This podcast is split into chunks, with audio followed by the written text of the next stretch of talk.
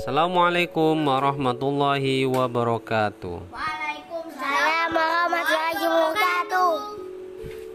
Baik anak-anakku sekalian, pada kisah sebelumnya Abi sudah membacakan kisah yang berjudul keutamaan sholat berjamaah. Di akhir kisah ada sebuah pertanyaan yang perlu kita cari jawabannya, yaitu sholat sunnah mempunyai banyak keutamaan. Salah satu keutamanya adalah bisa untuk membangun rumah. Bagaimana bisa sholat untuk membangun rumah? Untuk menjawabnya, Abi bacakan kisah selanjutnya, yaitu keutamaan sholat rawatib.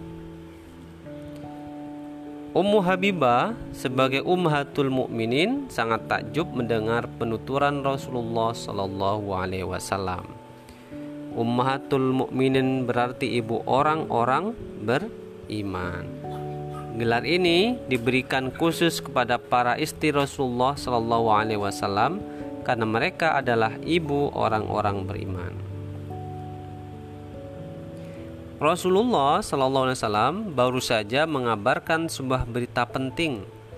Berita itu tentang amalan yang jika rutin dikerjakan akan berbuah manis. Hadiahnya adalah sebuah rumah di surga. Sejak saat itu, Ummu Habibah selalu mengajarkan amalan tersebut. Ummu Habibah tak ingin kesempatan emas ini berlalu begitu saja. Dia ingin menjadi salah seorang pemilik rumah di surga bersama umat muslim yang selalu mengerjakan amalan tersebut. Siapa saja yang mendengarkan tentu akan tertarik. Jangankan rumah di surga, memiliki rumah di dunia ini saja merupakan impian semua orang.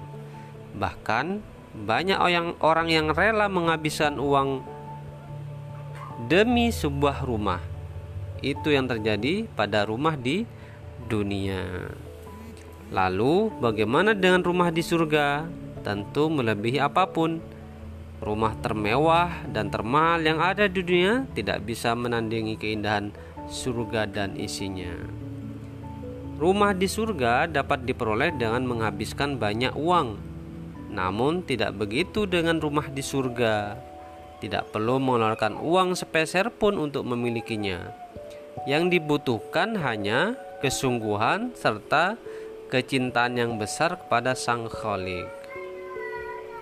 Nah, salah satu kunci untuk mendapatkan rumah di surga adalah melaksanakan sholat sunnah rawatib. Sholat sunnah rawatib ialah sholat sunnah yang dikerjakan sebelum dan sesudah sholat wajib lima waktu. Sholat sunnah rawatib berjumlah 12 rokaat. Sebanyak dua rokaat dilakukan sebelum sholat subuh. Sebelum sholat duhur empat rokaat. Sesudah sholat zuhur dua rokaat. Setelah sholat maghrib dua rokaat.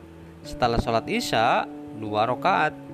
Sebagai pemimpin yang baik, Rasulullah SAW juga rutin melaksanakan sholat sunnah rawatib.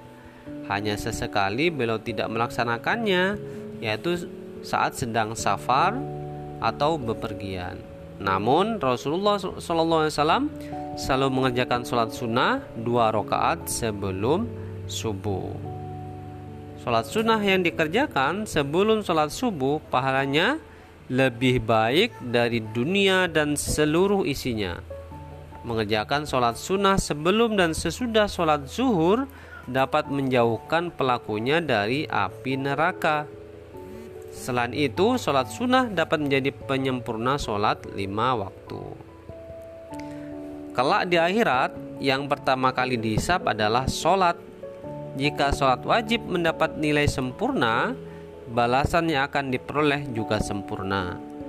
Namun jika tidak, namun jika tidak, amalan sholat sunnah yang akan diperhitungkan. Lalu bagaimana kalau kita tidak punya tabungan sholat sunnah? Jadilah orang-orang itu merugi.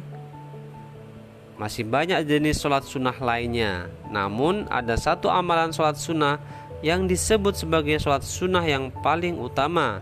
Namanya sholat malam. Sholat malam itu apa ya?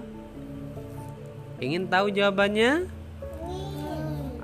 ikuti kisah berikutnya. Terima kasih atas perhatiannya. Assalamualaikum warahmatullahi wabarakatuh. Waalaikumsalam warahmatullahi wabarakatuh.